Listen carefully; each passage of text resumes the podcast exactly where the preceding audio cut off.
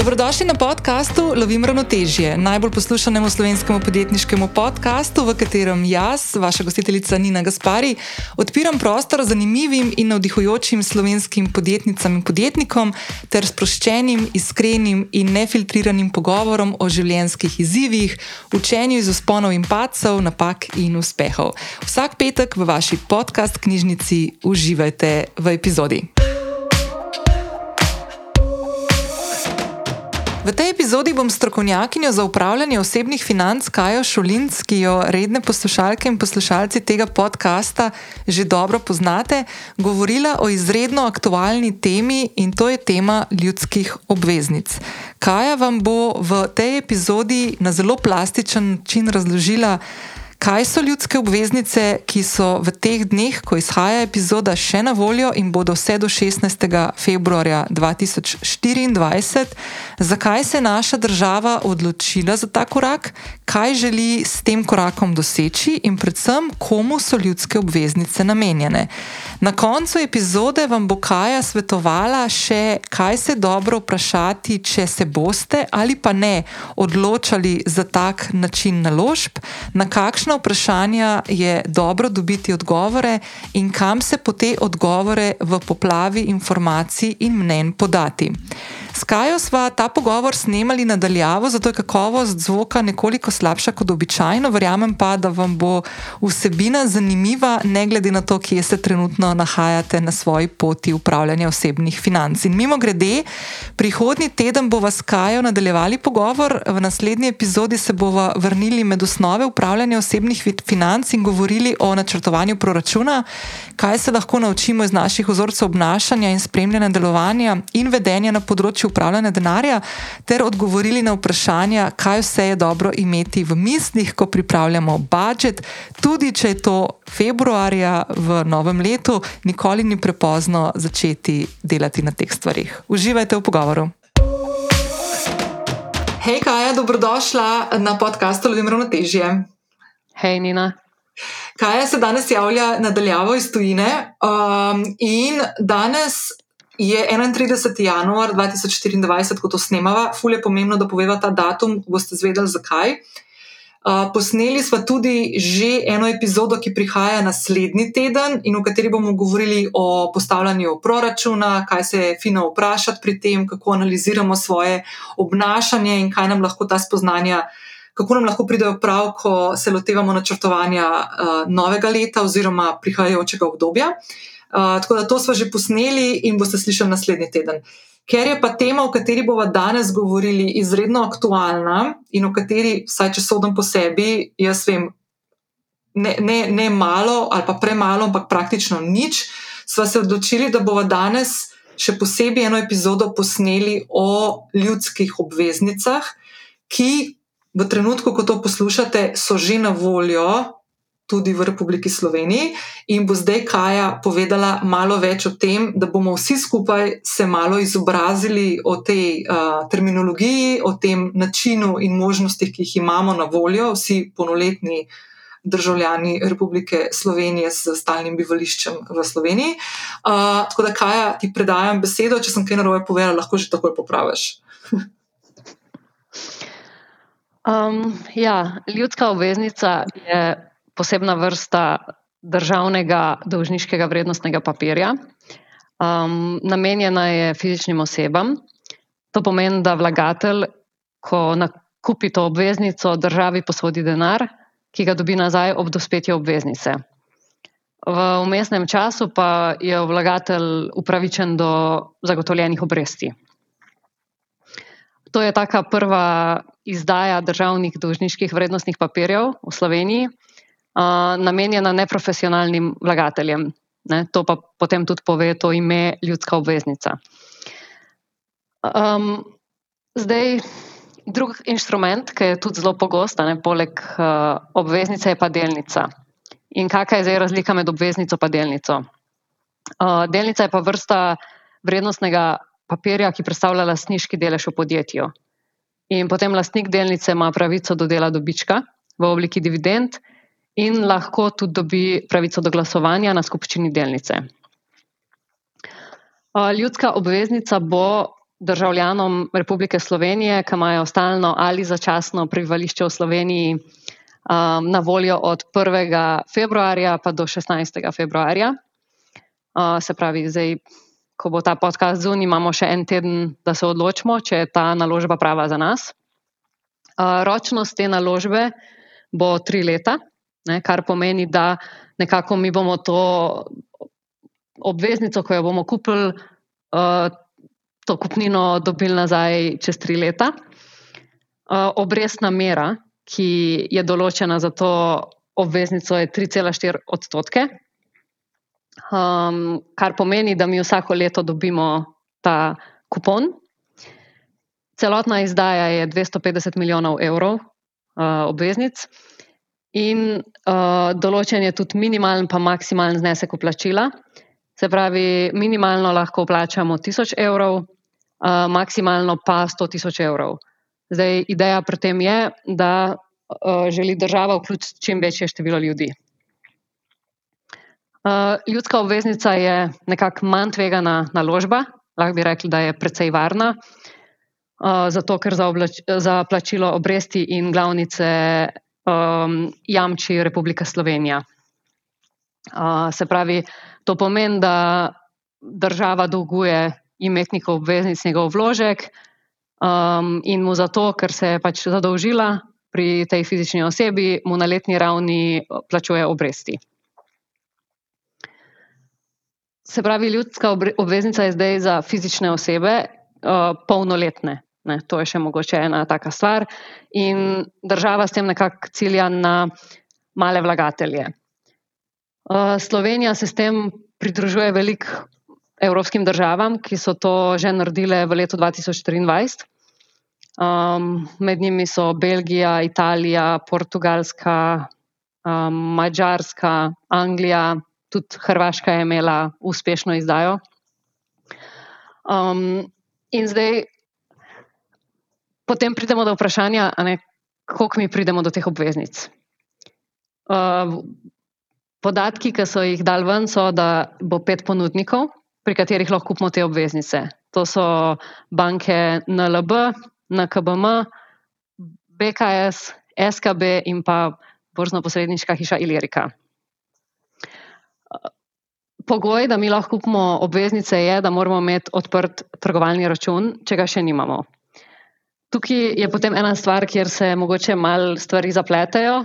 Ko mi začnemo, ok, 3,4 uh, odstotna obrestna mera je ne, v tem trenutku ugodna, dobra obrestna mera, ampak mi moramo pa potem tudi um, razumeti, kakšni so stroški, ki pridejo s tem, da moramo mi imeti odprt trgovalni račun. In potem tukaj je spet odvisno od situacije do situacije, zato ker eni ljudje imajo odprte trgovalne račune in to pomeni, da ne bojo imeli dodatnih stroškov, razen mogoče te, pa, bojo imeli minimalne stroške. No. Nekdo, ki bo pač samo za to mogel odpreti trgovalni račun, bo pa imel s tem dodatne stroške. In tukaj je potem smiselno preračunati, kak je potem naš donos. Uh, zdaj, večinoma um, so stroški kar visoki v Sloveniji za te trgovalne račune. Um, mislim, tukaj lahko govorimo o kakih 50 evrov na leto, recimo pri Iliriki, uh, ki bo imela zdaj v tem trenutku 15 evrov na leto za nekoga, ki bo kupil samo to obveznico. Se pravi, to pomeni, da um, če ne bomo nič drugega imeli v svojem portfelju, uh, so vse banke in pač ta borzno-posredniška hiša, so vsi naredili neke uh, drugačne cenike. Tako da to je vsak mora sam preveriti. Um, kak, kakšna je cena uh, in ali je to dobro. Se pravi, kaj bo na koncu ostalo? Zato, ker seveda je velika razlika, če mi damo 1000 evrov, 5000, 10 tisoč, 30 tisoč evrov. Zato, ker stroški so različni in če pri 1000 evrih odzamemo stroške, imamo zelo nizek donos. Mogoče lahko potem neko grobo oceno pogledamo, ne, kaj to pomeni pri 1000 evrih um, ampak to si mora vsak sam zračunati. Uh, poleg tega je še ena stvar, ne, da v bistvu, če mi želimo odpreti trgovalni račun, uh, mladi smo bolj navajeni na to, da ne rabimo hoditi na banko, ne nimamo tega. Um, pač, ja, nimamo, se želimo izogniti tem stvarem. In nekako pri, pri Iliriki je možno trgovalni račun odpreti prek spleta, um, imajo video identifikacijo, tako da v bistvu lahko vse naredimo online. To je verjetno zelo pomemben. Uh, drugače, tudi Ilirika sodeluje s Pošto Slovenije, tako da je to možno narediti tudi na poslovalnicah pošte, in potem tudi vse ostale banke imajo. Um, veliko poslovalnic. No. V, v velikih različnih mestih po Sloveniji je možno odpreti ta trgovalni račun. Tako da, če gremo to narediti fizično, to ni noben problem. Pol moramo sam nekako pogledati, um, kje, nas, kje je za nas najbolj ugodno, ne. kakšne stroške ima katera banka. Uh, jaz, ko sem gledala ta seznam uh, teh uh, poslovalnic uh, po državi, sem recimo videla, da je pri SKB banki posebej pisal, uh, da je možno za obstoječe stranke oddati naročilo za te obveznice prek telefona. Uh, okay. In zdaj se mi zdi, da pridemo do ene take um, pomembne točke, kak je namen te obveznice. Ne? Zakaj uh, država zdaj izdaja to ljudsko obveznico, ker država se lahko tudi druge zadolži. Um, zdaj, Država pravi, da je pač eden od namenov, zakaj je pač ta izdaja ljudske obveznice, pač zadolževanje in upravljanje z dolgom državnega proračuna. Uh, se pravi, to, da zagotovijo dodatna proračunska sredstva in likvidnost države. Uh, potem pa zdaj finančno ministrstvo um, daje velik poudarek temu, da bi radi večjo finančno pismenost, ne, ker v Sloveniji je malo bolj šipka finančna pismenost. Um, In v bistvu tukaj bi želeli oni doseči, da, um, pač da Slovenci imamo neko izkušnjo, ne, da, da poskusimo, da kupimo to obveznico in vidimo, kakšni so donosi, in da mogoče na podlagi tega potem tudi začnemo več vlagati v različne finančne inštrumente. Um, in s tem tudi uh, krepimo finančno znanje kar bi nam omogočalo neke boljše finančne odločitve, pa boljše upravljanje osebnih financ.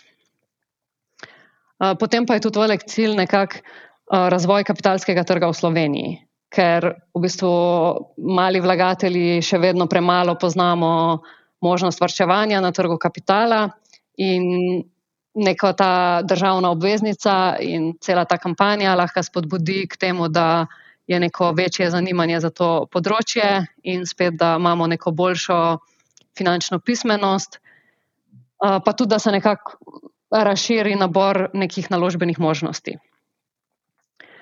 Tukaj je še zelo pomembna stvar, neka alternativa bančnim depozitom, da bi mi imeli neke više donose z više obrestno mero. Ne, ker Slovenci imamo zdaj že 29 milijard evrov v bančnih depozitih, In tukaj je pa 3,4 odstotni donos, a ne bi mogel biti načeloma višji. Spet um, lahko potem malo pogledamo, kakšne so kaj obrestne mere. Jaz sem malo preverila pri slovenskih bankah, kaj, na, kaj sem našla na spletu, uh, kak je donos na um, depozite, če vežemo za tri leta. In lahko potem pogledamo, ne, kaj se nekomu bolj splača. Eh, država bi pa tudi rada, da bi v bistvu bila nekakšna trajna participacija fizičnih oseb. Se pravi, da, bi, da ni to samo enkraten dogodek, ampak da bi ljudje večkrat uh, sodelovali v takih finančnih inštrumentih. Uh, zdaj, um, za koga je primerna ta obveznica? Uh, mi tukaj govorimo nekako o, o vlagateljih, o fizičnih osebah, ki imajo nekaj privrčevanih sredstev pa teh na nek kratek in srednji rok ne bojo potrebovali. Se pravi, govorimo o tem, da če ne bomo s to obveznico trgovali na sekundarnem trgu, da um, jo bomo držali tri leta, kar pomeni, da tega denarja ne bomo namenili za nekaj drugega čez tri leta. Se pravi, v roku teh treh let. Se pravi, da recimo načrtujemo nek nakup stanovanja, ampak to še ni danes, še bomo pač par let počakali in recimo v tem obdobju lahko ta denar ne, nekam naložimo in dobimo za to nek donos. Um, gre pa to tudi za, zdaj, ko damo mi denar v obveznice, to gre za neko um, Se pravi, ljudje, ki niso naklonjeni prevzemanju vi, višjih um, tvega na kapitalskih trgih. To je za, za take. In potem, um, zdaj, iz vidika investiranja, zakaj je ta obveznica dobra, je v smislu, da imamo mi zdaj višji donos kot na depozit, potem imamo manjše tveganje kot večina drugih naložb, zato ker um, jamči država. Pa še ena pomembna stvar je, recimo, večja razpršenost. Se pravi, tukaj govorimo, da imajo neki mali vlagatelji pogosto prihranke samo v bankah in potem pač nekako povečajo razpršenost s tem, ko um, kupijo ljudsko obveznico. Mhm. Ok, top.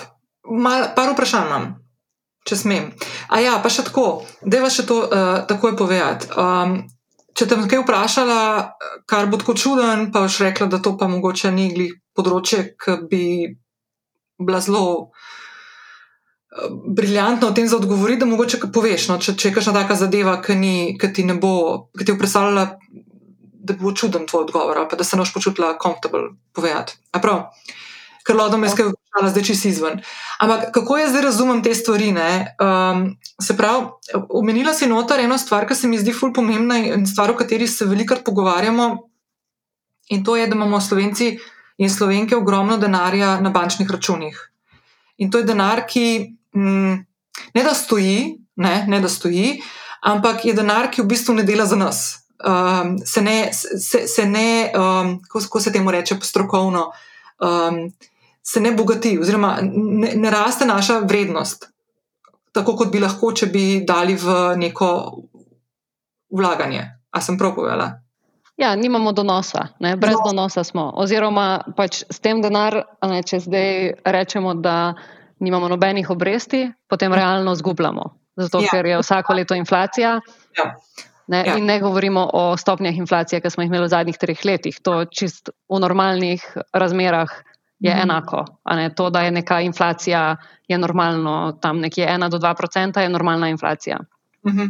Tako da zdaj v bistvu s to ljudsko obveznico država dejansko, dejansko nagovarja ljudi, ki imajo nek denar na svojih bančnih računih um, že dalj časa in ki ga ne potrebujejo v tem trenutku, oziroma v dobi naslednjih treh let, kot si omenila, ker nimajo predvidenih nekih ne vem, nakupov večjih stvari in tako naprej. Se pravi, to bili naprimer konkretno ljudje, ki bi lahko to ljudsko obveznico kupili. Ne? Ena stvar, ki imam vprašanje, omenila si sekundarni trg. Če mi zdaj govorimo, da se odločimo za nakup uh, ljudske obveznice, pa da imamo tri leta to vezano v navednicah, ne, kaj je ta sekundarni trg? Mi lahko to prodamo nekomu drugemu. Tako kot ja, tako. Um, uh, zdaj, um, minister je rekel na konferenci, da so veliko pozornosti posvetili temu, da bi bile lahko te um, ljudske obveznice likvidne, ne, kar pomeni, da bo kaj trgovanja z njimi na sekundarnem trgu. Um, zdaj, na Hrvaškem tega ni bilo, recimo. Se pravi, ljudska obveznica, nekakšna ideja bi naj bila, da jo držiš do dospelosti. Se pravi, da jo imaš te tri leta, vsako leto dobiš kupon in potem na koncu dobiš nazaj tudi glavnico. In um, kaj je bilo vprašanje? Ne, sej, uh, ne, vprašanje je bilo, če ti lahko to v ljudsko obveznico ja. rečeš, ok, pa neč bom pa prodal nekomu. Ker vedno se bo, če bo to možno, se bo pač verjetno spet en kup tlenenih ponudb eh, pojavil na trgu za odkupovanje. Ne? Predvidevam. Okay. Ja, to je zdaj vprašanje. Ne? Vprašanje je, ali bo ta obveznica likvidna ali ne bo. In potem je tudi vprašanje, kakšne bojo obrestne mere. Se mhm. pravi, uh, mi imamo zagotovljen donos v primeru, da držimo obveznico tri leta. Če se pa tukaj kaj prej zgodi, v, v tem primeru pa v bistvu zdaj je nekakšna špekulacija, kaj bo potem uh, kakšna bo ta vrednost okay. na sekundarnem trgu. Okay, zdaj, um, še eno vprašanje. Za nekoga, ki še nikoli, okay, bom, bom, okay, drugače bom postavila. Mi dve bova sicer s časom v letošnjem letu se premikali tudi v, v, na področje uh, investiranja. Nisva še to obdelali te tematike, jo bova. Jaz lahko povem, da sem se lani prvič mečkam začela poigravati uh, s tem um, vlaganjem v sklade, uh, s kajno pomočjo. By the way, kaj je še eno vprašanje, preden nadaljujem. Umenila si, uh, trgu, da imaš ta trgovalni račun. Ne? A to pomeni, da račun, ki ga imam jaz na neki tuji, to, to ne bo, uh, to bo mogla, bo mogla drugega, ne bo mogla v Sloveniji to odpreti, ne? Predvidevam. Ja. Ok, cool. To, kar si prej, ok, to, to sem te hodila vprašati. Se pravi, um, to bomo debato bomo še razdelovali skozi letošnje leto, ker se mi zdi full fine, full pomembna in točno pikira na stvari, ki si jih omenila, za koga je ljudska obveznica zanimiva, bi lahko bila zanimiva in na koga država pikira. Um, mi dve smo se o tem veliko pogovarjali, jaz sem začela malo to gledati, pa malo spremljati, pa se malo učiti na tem področju in mi je zanimiv, ful. Moje vprašanje je, glede na to, kaj poznaš, kaj trenutno jaz delam na tem področju, a to je bi bilo, naprimer, za mene zanimivo. Bi ti, ki se bi pogovarjala, zdaj pa da nimamo mikrofona pred sabo, bi men, bi, kako bi ti meni to svetovala, meni, Nini, ki jo poznaš? Kaj, kaj so tiste stvari, ki bi rekla, okay, Nina, da, da ne prevzemaš ti zdaj odgovornosti za me, pa rečeš, Nina, to moš narediti ali pa to ne narediti? Kje vprašanja bi ti meni postavila, da bi jaz odgovorila na nje in dobila pri sebi odgovor, ali je to za me zanimivo ali ne? Mogoče tako reči.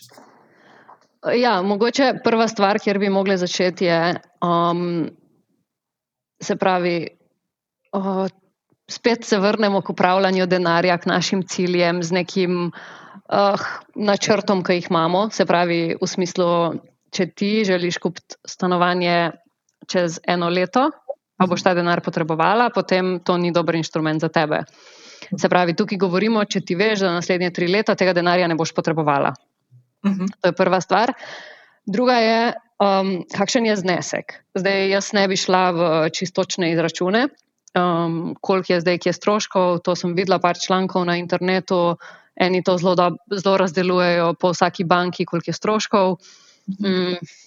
Um, minister je rekel, da nekje 20 evrov bi naj bil strošek na letni ravni pri 10 tisoč evrih investicije. Uh, tako da tukaj je ena pomembna stvar, da mi recimo vemo, ali je to zdaj dobra alternativa bančnim depozitom ali ne, glede na znesek, ki bi ga mi investirali. Koliko so davčni? Ali samo eno stvar? Davčni depozit je denar, ki ga imamo mi na banki in je vezan za neko obdobje. Uh, misliš bančni depozit? Uh, sorry, ja, bančni depozit je, ne? Ja. Okay. Tako, okay. In zdaj, če hočemo imeti nek primerljiv inštrument, potem gledamo depozit, ki je za tri leta. Ne? Zato, ker banke imajo tudi različne obrestne mere, glede na trajanje tega depozita. Um, ja, jaz sem recimo pogledala, uh, se pravi, obrestne mere za depozite na tri leta ima NLB 2%, BM ni cela nič ena, uh, SKB za nek osnovni osebni račun ni cela nič ena, za ostale pakete pri SKB-ju 1,2. Uh, in TESA, San Paolo 1 do 1,2, glede na to, ali to neki v poslovalnici pridemo, ali imamo to uh, digitalno, ali smo pod 50 tisoč, nad 50 tisoč evrov, se giblje nekje tam. Aha. Pravi, to so zdaj take, ok, NLB še vedno najvišja, ampak to so take relativno nizke obrestne mere. Mhm. Potem pa imamo pri državni banki 2,5, piše na spletu, pri Unikredi 2,6, Gorenska banka 2,8, pa Šparka se 2,9. To je za nekako za obstoječe komitente. Potem včasih pa imajo uh, za uh, nove ne, stranke kakšne še mal boljše pogoje. Recimo pred uh, Šparka se snujela, da je za nove komitente 3% na tri leta. Tukaj pa se že ful približaš temu, kar je na tej ljudski obveznici pričakovano, oziroma kar so sporočili, koliko je rekel, 3,4. Tako. Ja, spet, um, koliko, koliko se približaš, pa koliko se ne, je spet vprašanje, kaj to za tebe pomeni. A imaš ti račun pri tej banki, ne, ker drugače je tudi stroški pri banki so lahko zelo visoki. Če sam za to odpremo, bomo imeli više stroške, verjetno, ne, ker tam 5-6 evrov je tako minimalno, da nastane en račun pri banki na mesec. Tako da potem smo že nad temi stroški trgovanja, mislim, trgovalnega računa. Um, potem druga stvar je, ali sploh imamo slovensko banko. Ne, kar jaz vidim dan danes, veliko pri mladih je, da se že veliko uporablja ta Revolut, pa N26. Tako da tudi vprašanje, če imamo banko, pa zdaj, če jo imamo, a bomo mi za to zamenjali banko. Uh -huh. Se pravi, ne, ok, lahko rečem, moji bančni stroški bojo. V glavnem, pač na koncu, to je tukaj različnih situacij, da tega ne moremo za nobenega predvideti, ker moraš vse te stroške upoštevati. Okay. Uh, tako da tudi za tebe, ne, in zdaj, če se vrnemo na te zneske, še, uh, kakšna je razlika? Se pravi, če mi rečemo, da imamo 3,4 odstotno obrestno mero in da investiramo 1000 evrov, je to 34 evrov na leto um, kupona. In to pomeni, da nam ostane 14 evrov, potem ko plačamo, da imamo reči teh povprečnih 20 evrov. Se pravi, to je potem donos 1,4 procente. Uh -huh. uh, v primeru, da pa mi investiramo 10 tisoč evrov, je pa to donos 340 evrov na leto, uh -huh. uh, se pravi ta kupon, in potem mi 20 evrov odštejemo, in je to 320 evrov na 10 tisoč, je to 3,2 odstotka nekakšnih realnih obresti. Mhm. Tako da, ne, potem, se pravi, to je zdaj neka perspektiva, kaj vse moramo upoštevati. Mislim, da smo zdaj kar mal uh, te stvari zajele v tem smislu um, bančnih stroškov, stroškov trgovalnega računa, pa recimo različnih zneskov. Ne, za, za koga je zdaj ta obveznica? Marsikdo reče, da, uh, ne, da če gremo recimo nad 10 ali pa celo nad 30 tisoč evrov, da to, so že taki lepi donosi. Uh mhm. -huh. Da pri tisoč evrih, a ne ta 1,4 procenta, to pa verjetno že lahko se potrudimo, pa nekako uh, to uredimo na banki, nek uh -huh. uh, depozit. Ne, pa zdaj, če, če lahko optimiziramo te svoje bančne stroške, uh mhm. -huh. se nam lahko to bolj splača, da gremo na depozit. Okay, je mogoče samo še ena stvar, ki je pa davčni vidik. Se pravi, mi, ki imamo v bistvu tukaj, so izenačili uh, davčne pogoje z depoziti, uh, kar pomeni, da pri depozitih smo mi imamo obresti do 1000 evrov na leto neobdavčenih. Aha. In za to so specifično za leto 2024, za 2025 in 2026 um, tudi spremenili, ne, da je enako tudi za. Eh, te kupone, ki jih dobimo od obveznic, -huh. uh, da imamo enako davčno obravnavo. Kar pomeni, da tam nekje za mal pod 30 tisoč evri obveznic, a ne če nimamo drugih depozitov, uh, ne plačamo davka. Od tam naprej pa potem na razliko plačamo uh, 25-procentni davek. Ok. okay. Ej, um, veš kaj, um, ko smo se pogovarjali, da bomo to temo vključili uh, tudi na podkastu, zelo malo težje. Uh, je meni ena stvar, ki me je tako, mislim, sem šla jaz malo pogledat, pa videti, kakšne stvari se ljudje pogovarjajo um, o teh ljudskih obveznicah. In v bistvu je, um, ne znam vam potegniti uh, plus ali pa minusa. Naprimer, Zdi se mi, da se na trenutke tudi pogovarjamo mogoče o hruških pa jabolkih. Um, Tle je šla ful ta debata. Veš, e, e, ena debata je šla v smer ti povedala, zakaj to govorim zdaj. Ena debata je šla v smer te neke nacionalne pripadnosti, da to je pa neka taka stvar, da ti zaupanje v državo, država te v bistvu da neko priložnost, da ti v njo uložiš nekaj, da, da ji v navednicah pomagaš pri neki zadevi. Ne? Mogoče tudi zaradi tega, kar se lansko leto dogaja, pa vsega tega, da v bistvu tukaj malo skupaj stopimo, kako koli. No. Um, druga stvar je pa ta, kar si jo ti tudi malo menila. Jaz sem opazila kar nekaj debat, ki se odvijajo med finančnimi strokovnjaki ali pa novinarji finančnimi, pa publiko ne, ali pa nekimi vlagatelji, ki govorijo ful o tem, kaj se splača bolj, ali iti naprimer v ljudsko obveznico ali naprimer položiti denar na, naprimer, na revolut v vrčevalni račun in plačati un premium. Account, eh, zato da imaš više pol te donose, pa nekaj nekaj. Ne? A veš, hočem reči, da v bistvu, ko to spremlja nekdo, kot sem jaz, ki premalo ve o teh stvarih in jaz verjamem, da je tukaj med temi med občinstvom uh, podcasta tudi veliko takih.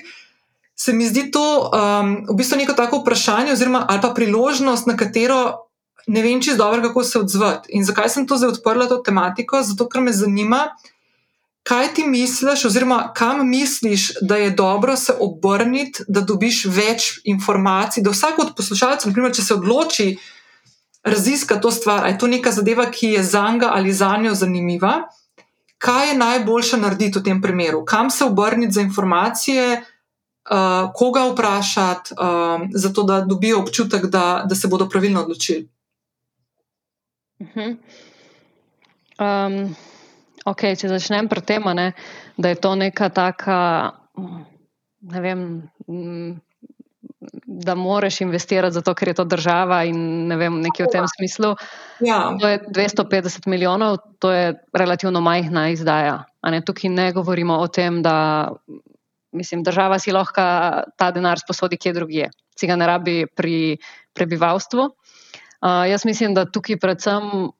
Mm, veliko je bilo govora tudi o tem, da so to naredili zato, ker so čutili tak pritisk.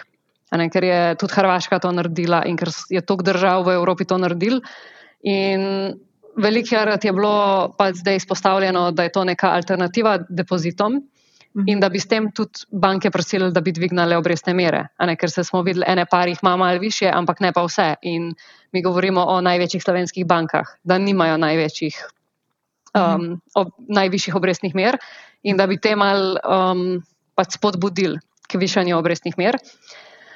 In potem druga stvar, ki se pač res skozi um, pojavlja, je neka ta finančna pismenost. Se pravi, da bi ljudje, um, mi rabimo neke izkušnje, da to deluje. Ne, pač, eh, pol nekih slabih zgodb je bilo v preteklosti, ne vezanih na obveznice, ampak na druge finančne inštrumente, in potem to povzroča neko konstantno, neko vse splošno nezaupanje v mhm. kapitalske trge. In v Sloveniji si zelo želijo pač razviti te kapitalske trge. Ne? Vsi bi radi videli, konec koncev, to bi tudi vplivalo na naš trg nepremičnin. Ne? Ker dan danes Slovenci sam nepremičnine kupujejo in potem so cene tako visoke, če bi mal bolj razpršili um, pač svoje premoženje, uh, namesto da bi kupovali. Um, na denar, um, um, stanovanja, tako smo se pogovarjali v prejšnjem v epizodi, ki bo naslednji teden. Um, je to tudi eden od teh nekih glavnih razlogov. No? To so neki glavni razlogi, ki so jih navedli in so pač precej smiselni. Um, potem, ko govoriva o revolutu, je zelo dobro, da si to omenila.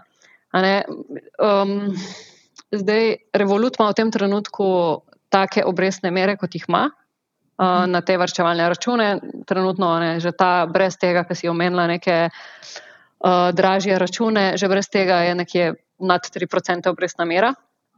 Ampak mi v resnici ne vemo, kakšna bo čez eno leto. Mhm. In to je zelo pomembno se zavedati, da mi tukaj govorimo, da bomo mi naslednja tri leta dobili nek tak višji donos. Uh, zdaj, če pa malo spremljamo trge, pa vemo, da zakaj je prišlo do teh zvišanih obrestnih mer uh, v zadnjem letu pa pol, in da mi smo zdaj nekako se špekulira, da na vrhu. Um, pač, da, da te obrestne mere ne bojo se več dvigovale, um, in da, predvsem, da nekako čakamo. Ne? Zdaj, um, v bistvu danes bo pač zasedel Fed, recimo Ameriška centralna banka, če bojo zdaj znižali obrestne mere. Uh, v Evropi Evropska centralna banka jih zdaj ni znižala, zato ker še vedno govorijo, da um, si želimo inflacijo spraviti pod 2% in zaradi tega te mhm. obrestne mere ustrajajo. Se pravi, so pa neke napovedi, da bi se te obrestne mere lahko začele nižati v drugi polovici leta, če ne bo mhm. nekih drastičnih sprememb na trgu. A ne v resnici nikoli ne vemo, če se bo zgodil kaj takega, da bo inflacija spet poskočila in da bojo mogli obrestne mere zviševati. Ampak v tem trenutku zgleda, da če se bojo obrestne mere zniževale, mhm. to pomeni, da se bojo obrestne mere na depozite znižale, da mhm. uh, revolut verjetno ne bo ponujal več teh obrestnih mer. Tako da tukaj moramo se zavedati, da to je priložnost za nek fiksen donos v obdobju treh let. Mhm. In to je glavna razlika med tem, da mi gremo na revolut. So pa tudi prednosti tega, da gremo na revolut, če ne drugega, to, da lahko ta denar ven ne, iz tega vrčevalnega računa vzamemo, kadarkoli želimo. Se pravi, ga lahko zelo za kratek rok um, položimo na ta račun. Veš, kaj imamo eno vprašanje? Mislim, ne vem, če to vprašanje. Mogoče tako premislek na glas ali pa mogoče zdaj kakšno bučko rekla. Mm, jaz sem sicer tole zdaj le malo spremljala, ne tako, da bi šla poslušati novinarsko konferenco ministra, priznam, no, ampak sem par podkastov, tudi naših, teh finančnih, sem malo pogledala, kaj so sporočili. Mal sem spremljala, kaj ljudje, ki operirajo na teh nekih vlagateljskih trgih, pravijo, tle je fult, kot to, kar sem prej omenila, fulejnih takih. Zelo je tako polarizirano. Ne? Eni tako komi čakajo, da se to zgodi in da to vložijo, eni so pa tako, seriously, jaz ste vi nori. Ne? Kar je itak za vsako stvar danes. Ampak, a veš, kaj imam jaz občutek? Um, kot nekdo, ki mimo bežno to spremlja, ali pa rečemo, da mogoče niti ne tako mimo bežno kot dve leti nazaj. Ne? Jaz imam eno, en manjko, pa, pa da, da vzamemo v zakup to, kar je država rekla, da si želi boljšo finančno pismenost ljudi. Imam občutek, da tle bi bilo treba ful enih stvari narediti v komuniciranju tega, da bi sploh razumeli ljudi, o čem se mi tukaj pogovarjamo, ali jaz to narobe razumem. Ker če se mi pogovarjamo z ljudmi, kot sem konec koncev tudi jaz, ki mogoče nisem tako finančno neopismenjena, kot sem bila dve leti nazaj, sem še vedno se imam za zelo začetnika če ne bi tebe poznala, bi šlo to mimo mene. Logična priložnost, dobra za mene, mimo mene, ravno zaradi tega, ker imam ta manjko. In se mi zdi, da tukaj ma, pogrešam ta nek umesen del komunikacije, da bi, preden gre to v, na trg, jutri se bo to zgodilo, ko zdaj snemava, se pravi, par dni nazaj, ko bo šlo to eter. Se mi zdi, da tega momenta ni vmes. In smo spet ljudje tukaj zato, da iščemo neke te stvari po ponavadi spletu. In ponavadi je to na družabnih omrežjih, kjer je šumov in, in nebulos milijon, tudi na tem področju, verjetno. Ne? A se strinjaš s tem? Ja, um, najprej, kar si rekla za informacije, koga pač vprašati, pa vse to skupaj. Um, zdaj, jaz mislim, da tukaj. Zdaj, tukaj ni neka tvegana naložba. To, tukaj s tem se lahko strinjamo, ne, da pač naša država je nek kakovosten izdajatelj uh, vrednostnih papirjev. Uh, ima tudi dobro bonitetno oceno, tako da tukaj ni problema. V bistvu, um, siguren bi se dal več narediti ne, na tem, glede finančnega opismenjevanja. Uh, in bi bilo to zelo pomembno, da bi se kaj več naredili na tem področju. Zdaj, tukaj, kjer smo, smo.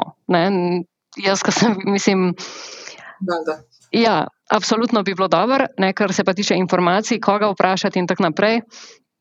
Uh, jaz mislim, da enostavno mora vsak sam pogledati, ne, kje je, kakšne ima cilje. Um, konc koncev zračunati 3,4% obrestno mero na znesek, ki bi ga vplačil, na letni ravni ni težko. Uh, stroške dati stran je pa, po mojem, najbolj pomembno ne, se pravi, zračunati stroške, ki bi jih imeli v tem obdobju s tem trgovalnim računom.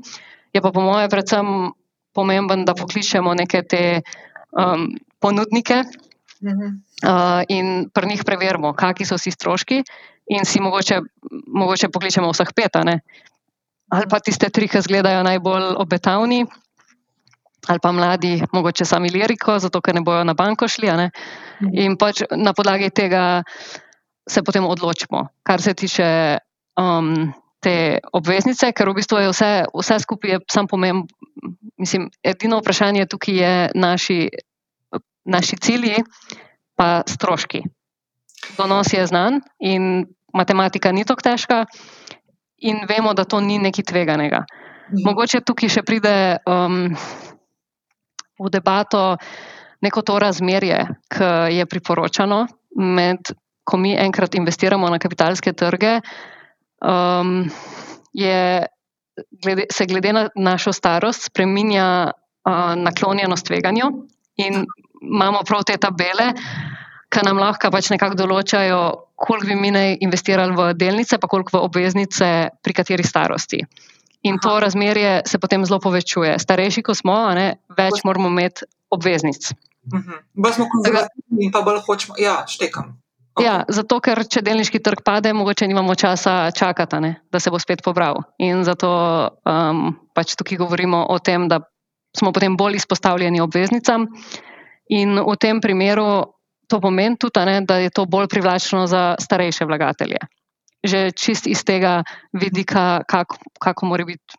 More, narekovaj, ne, kakšno bi naj bilo njihovo razmerje med delnicami in obveznicami.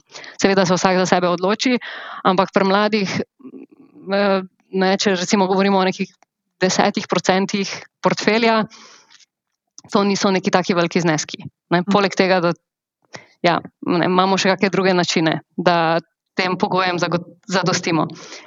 Uh, tako da jaz mislim, da kar se teh informacij tiče, um, ja, je predvsem to, da je v bistvu treba preveriti uh, s temi um, ponudniki, in na drugi strani tudi preveriti, kakšne imamo zdaj v tem trenutku depozite, kakšne imamo obrestne mere, kakšne imamo tam opcije, in se mogoče zdaj v tem trenutku, ko, se, ko to preverjamo, potem odločiti za nek depozit, uh mhm. -huh. če je to za nas bolj smiselno.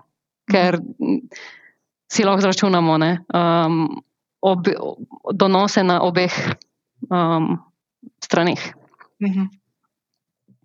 Super. Jaz moram reči, da ne vem, uh, kaj bi naredila. jaz sem verjetno, mislim, ne, sigurno, jaz bom to spustila, priznam. Um, ampak, um, ja, predvsem verjetno zato, ker pre, še, mislim, super smo tole zelo pogledali, ampak ful bi bilo dobro to odpirati, to debato. Tako, ne, way back, zato da se stvari malo, da začneš malo dobivati informacije. No, vem, no, tako jaz zdaj govorim za sebe, ne da zdaj ne, mislim, da tako je treba se odločiti. Ampak, a ti boš, a kaj ti, ti razmišljaš o tem? Um, mogoče par stvari tukaj. Ne. Prva stvar je to, da vse skupaj je zelo na hitro. Ne. Sicer je teh 15 dni, pa pol, 16. se to že zapre ob enih popovdne, ampak tudi ko so dali prve informacije ven, so bile zelo skope in mislim, da obrestna mera je znana kakšen teden. Tako da prej so bile vse špekulacije, koliko bo obrestna mera. In že, jaz mislim, da je že takrat v bistvu prišel en tak negativen val iz tega, ker je bilo pač nekako te informacije niso bile um, podane na tak način. Uh, zdaj pa in zato tudi se o teh stvarih nismo mogli pogovarjati, ne? ker to je bilo, v bistvu, mislim, da so nekje novembra začeli govoriti. Špekulacije o tem, da bo ta ljudska obveznica, so bile že verjetno od pomladi lani praktično. Ampak noben ni vedel, a bo ali ne bo, in pa se o tem ni zares na ta način pogovarjali. Uh, da...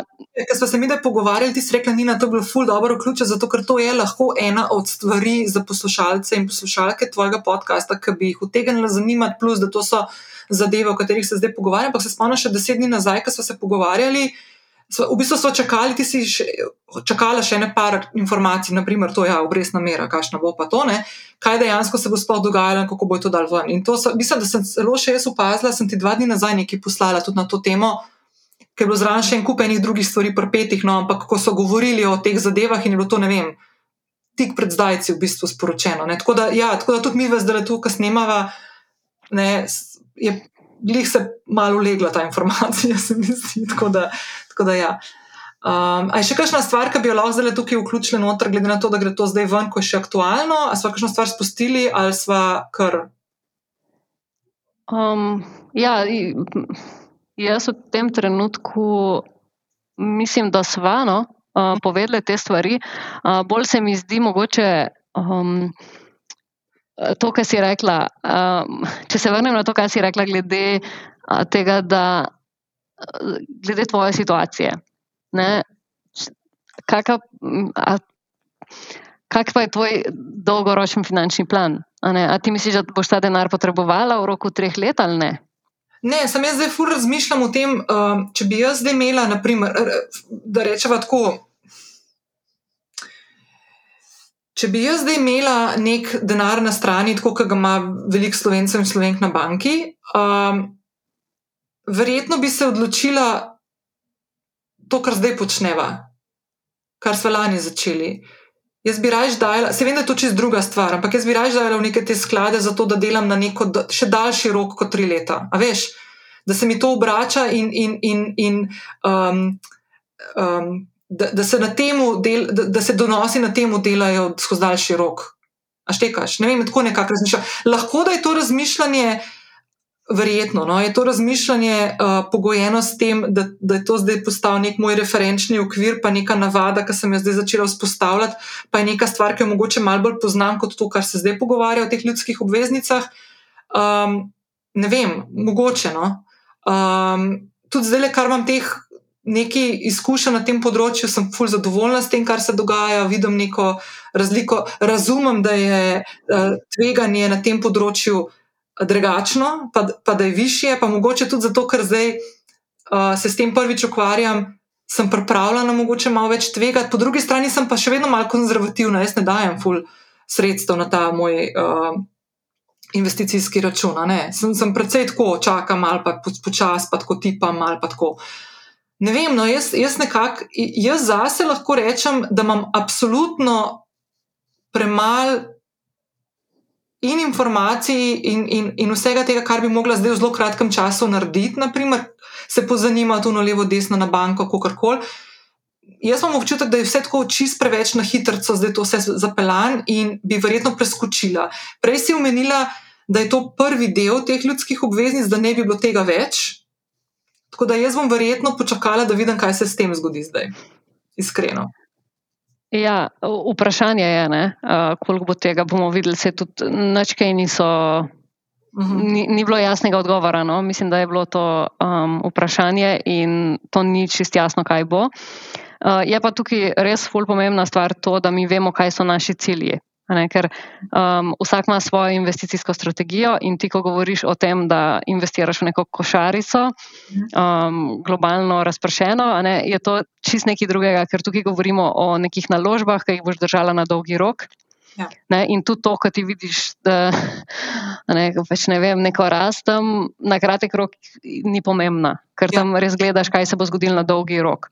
Mhm. Tukaj je pač nek donos, ki je na bistveno krajši rok. Ne, če tam govoriva, da boš investirala do 60, 65, uh -huh. tukaj pa govoriva o tem, da je to za tri leta ta denar um, nekam plasiraš in ja. od tukaj potem, ne, potem po treh letih se odločiš za nekaj drugega. Uh, tako da.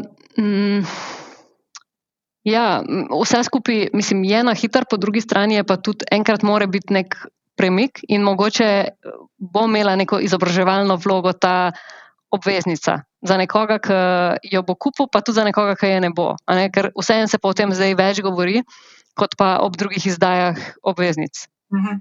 Ja, ja. Tako, da, tako da tukaj ima sigurno neko, kar že koli je, neko vlogo izobraževalno ima. In na koncu niso spet mm, 3,4%, če pač damo nek višji znesek, v smislu, da ni to tisoč evrov.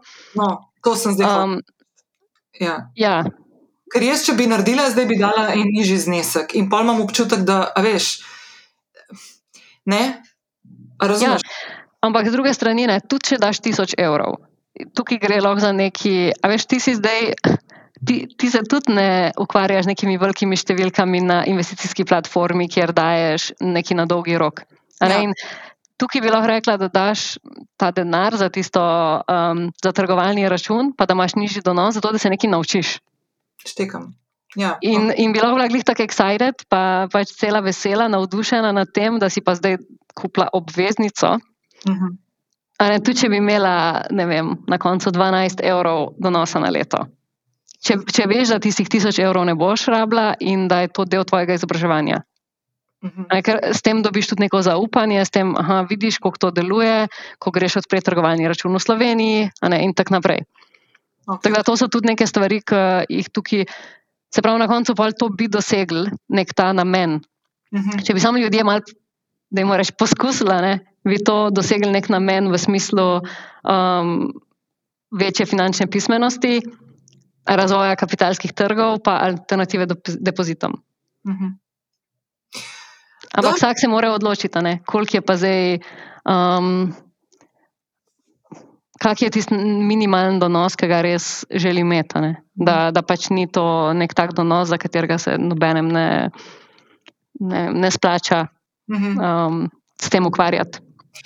Umenila si kar nekaj stvari. Um, besednih zvez, uh, spremljanje stroškov, pa kakšni so tvoji cilji, uh, to so stvari, o katerih se bomo pogovarjali naslednji teden. ko bom zdaj po domač rekla, bomo šli nazaj na nek, neko bolj tako realen okvir stvari, ki jih tudi jaz bolj razumem kot to zdaj. Ampak mi je bilo tako ful neprecenljivo in zdaj, če me vprašaš, kaj bom naredila, še ne vem. Glede teh ljudskih poveznic, ne vem, bom počakala kakšne par dni, da vidim, kaj se dogaja. Pa pa bomo videli. No. Tako da, po mojem, bo kakšna stvar tako izven mikrofona, pa snemanje še, še odtekli uh, na to temo. No. Tako, da, ja. tako da, kaj je, ful, hvala, ker si šla tole researchati da smo lahko to tematiko še dodatno vključili, zdaj, ki je aktualna in ker je res tako kratek čas aktualna. Um, bi pa jaz vse tiste, ki poslušate to, pa vas ful več zanima uh, ta zadeva. Dajte se mogoče, ne vem, če je to ena od bank, ki jo imate, dajte se pri svojemu skrbniku mogoče pozanimati. Ne vem, prva točka. Ali pa iti vem, na neko banko, če, če nimate pri tej banki odprtega računa, istjane. Uh, Drugače pa moram reči, da bilo kar nekaj podkastov, naprimer posnetih tudi v Sloveniji, zdaj na to tematiko. Mislim, vem, da je Marija nekaj snemala, tako da pejte mogoče še to poslušati tja. Sicer tiste uh, pogovarjanja, ki imajo pri Mariji, meni doskrat ne razumem čisto vsake stvari, ki jo povejo, ker so bolj, rečemo, da, da je za mogoče bolj izkušenejše občinstvo, uh, so tiste, tisti pogovori narejeni, ampak vseeno lahko se pa znajdete v, tistem, v tistih informacijah, pa vam bo prav prišla kakšna zadeva. Tako da Toliko za zdaj, naslednji teden pa ena stvar, ki mi je ful draga in pri srcu in ki mi je, bom rekla, da mi je spremenila življenje. No? Uh, pa bomo o tem skaju govorili prihodni petek. Tako da, kaj je, ful ti hvala. Ja, uh, hvala tudi tebi, Nina. Uh, mogoče sam še to. Um, v bistvu vso to upravljanje je osnova potem tudi za investiranje. Ne? Mislim, da smo to danes videli, ker se skozi vračamo k temu, kakšni so tvoji cilji, ja. koliko imaš ti nekega denarja, ki ti je ki nekje stoji, ki je nekje parkiran, pa ne ga lahko nekam investiraš. Uh, tako da na koncu vse se začne pri tem, da mi to. Um, Da mi dobro poznamo svoje finance, ne, preden se lahko lotimo tega investiranja, to je zelo pomemben. Uh, pa še druga stvar, recimo, to uh, sem poslušala ta podcast, uh, ki ga je imela Marja in uh, je bil moj profesor uh, Aljoša Valentinčič, ampak recimo oni so ta podcast posneli, preden so prišli ven, preden so prišli ven podatki o obrestni meri. Mhm. Pa o, um, o tem, kdo bo v bistvu nek ponudnik teh uh, obveznic. Da, tam so pač neke stvari, ki uh, tam so predpostavke. No. Uh, osnova je na Um, recimo, obrestna mera, jo, s katero je pač eh, Valentinčič eh, računal, je bila malce nižja, kot je potem dejansko, no, čisto za primer. Aha. Ampak je pa on na svoj LinkedIn in tudi zdaj dal, no, kakšen je recimo donos na, uh, na vsako obveznico, se pravi od 1000 pa do vem, 50 ali pa še več tisoč evrov, kakšen je donos prvo leto, je objavljeno. Tako da recimo to je nekaj takega, kar se da pogledati. Ok, ampak zdaj, glede na to, da mi dve to snimava, cca deset dni, preden bodo šli. Uh, Preden gre ta podcast ven, pa en dan, preden se bo začela trgovati s uh, ljudskimi obveznicami, mogoče vseeno, no, mogoče bo še Marija dala kakšno stvar, ven ali pa kdo drug, ne, da bo bolj aktualna. Tako da mogoče pejte še tja poslušati, ker vidim, da imam odprto tukaj, to je bilo pred šestimi dnevi. Uh, 17 minut dolgo, če bo ministr za finance tudi uh, trgoval z ljudsko uh, obveznico. Uh, to nisem slišala odgovora. Tako da, ja, mogoče bo, bo kaj na to temo še dodatno. No? Tako da, če koga to bolj zanima, super. Drugač pa um, naslednji teden postavljamo temelje. Tako da, v bistvu bi mogli. Nasled, epizodo, ki je predvidena za naslednji teden, med zdaj, pa to, kar je zdaj končujeva, naslednji teden, sam pa bi zamudili te ljudske obveznice, tako da smo zdaj stlačili nekako noter, preden gremo nazaj k osnovam, ki so ključne za razumevanje, pol tudi investiranja, vlaganja in tako naprej. Ne? Ampak ja, več o tem pa naslednji teden. tako da, Kaja, ful, hvala uh, in uh, se slišmo. Čau. Hvala. Čau. Hvala za družbo, hvala za pozornost, hvala, ker ste ostali do konca. Če vam je bila epizoda všeč in se še niste prijavili na podcast Lovim ravnotežje, to lahko storite zdaj. V vaši izbrani podcast knjižnici se lahko nam prijavite in tako vas bo vsak petek, ko bo objavljena sveža epizoda, ta avtomatično pričakala med novostmi in ne boste zgrešili nobene vsebine. Če imate zanimivo podjetniško zgodbo ali jo morda poznate, pa se mi lahko oglasite na infoafnanina.com. Z veseljem odpiram prostor za zanimive male in mikropodjetniške zgodbe, navdihujoče posameznike in posameznice, ki lahko dobijo svoj glas tudi na podkastu Ljubim ravnotežje.